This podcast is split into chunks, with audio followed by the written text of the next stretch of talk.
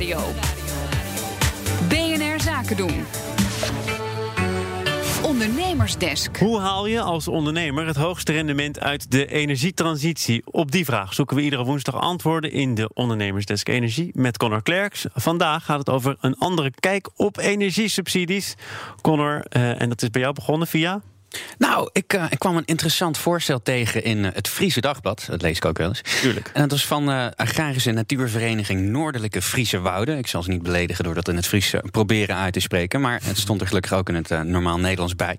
Maar het voorstel dat gaat over SDE-subsidie. Dus stimulering duurzame energieproductie van het Rijk. En dat is een regeling die zich richt op bedrijven en instellingen. Die kun je opdelen in meerdere categorieën. Maar in dit geval wil ik het even hebben over zonnepanelen.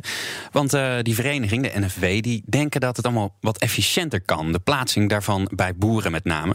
Nu moet je namelijk een locatiegebonden aanvraag doen. Dat is heel specifiek. En de NFV zou dat liever zien dat je dat gebiedsgebonden kan doen. En ze willen daar twee dingen mee bereiken. Eén is meer energie opwekken per gebied.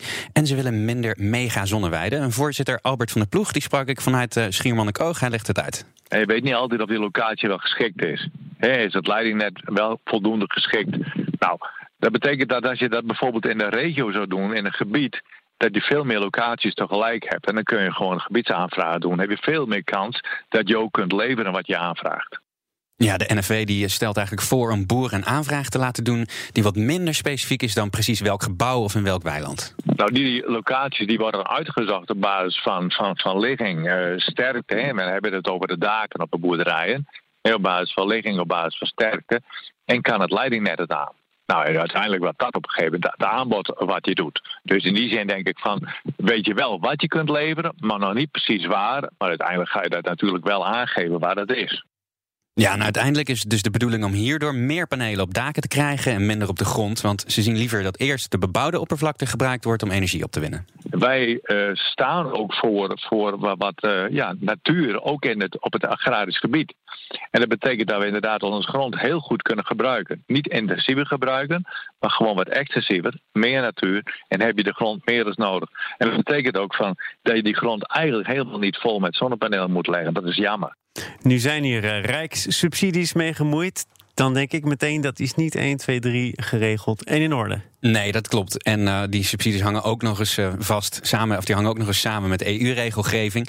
En daarin staat eigenlijk dat de, echt de exacte locatie van tevoren vast moet liggen. Dus als die plannen gehoor krijgen in Den Haag, want daar zijn ze wel mee bezig, dan duurt het hoe dan ook nog wel wat jaren voordat het geregeld is. Er zijn wel mogelijkheden om daar uh, met een goede fundering, zeg ik dat. Maar als je het goed fundeert, kun je er wel onderuit komen. Maar dat moeten ze inderdaad in Den Haag ook zo beleven en ook zo zien. Maar aan de andere kant kunnen we op deze manier veel meer leveren dan wanneer het ja, per locatie van tevoren bekend moet zijn.